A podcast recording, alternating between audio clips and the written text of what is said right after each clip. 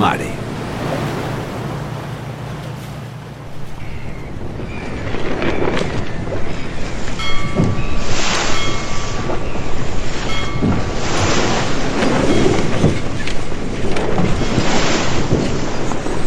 Mila zazpireun irurogeita zortzigarren urtea. Frantziako lehenengo espedizio zientifikoa itxasoratu da. Luis Antoine Buganbil espedizioa.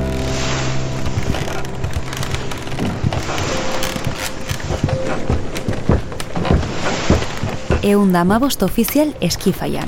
Haien artean, komerson jauna, erregearen gorteko botanikari ofiziala. Eta haren zerbitzari misteriotsua. John, zeinaren lana, ura zaintzea eta haren hanketako infekzioak sendatzea zen.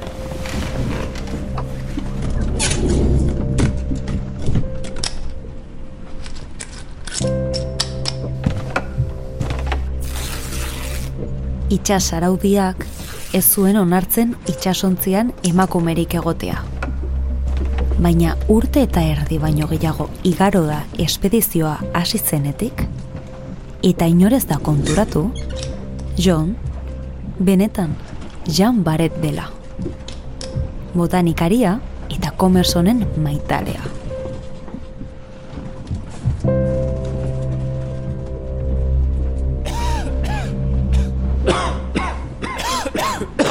Eskorbutoak eta malnutrizioak ondorioak eragin zituen eskifaiako kideen artean. Eta osasun azterketa batean, bareten sekretua aurkitu zuten. Emakume bat zen.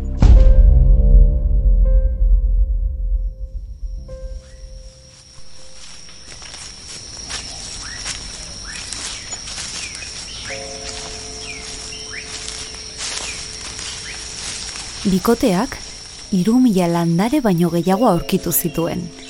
Horien artean, mugan bila. Baretek, Brazilen aurkitutakoa. Funtzioa antiseptikoa zuen igokari bat. Botanikoaren hanketako zauriak sendatzeko erabiltzen zuena. Azkenik, baretek eta komersonek Maurizio uarteetan misioa utzi zuten. Eta elkarrekin bizi izan ziren, komerson hilarte.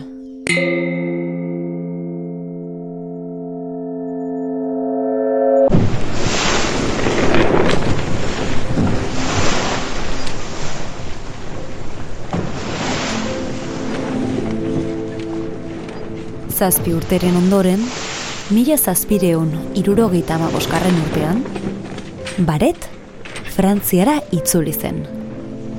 Emakume batek inoiz egindako lehen mundu bidaiari amaiera emanez.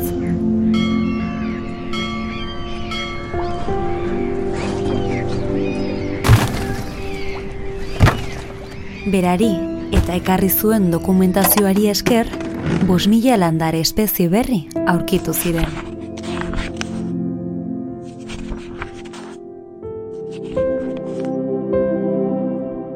Mila zortzireun tazazpigarren urtean, bere balentriagatik Frantziako gobernuaren aitortzarekin hil zen.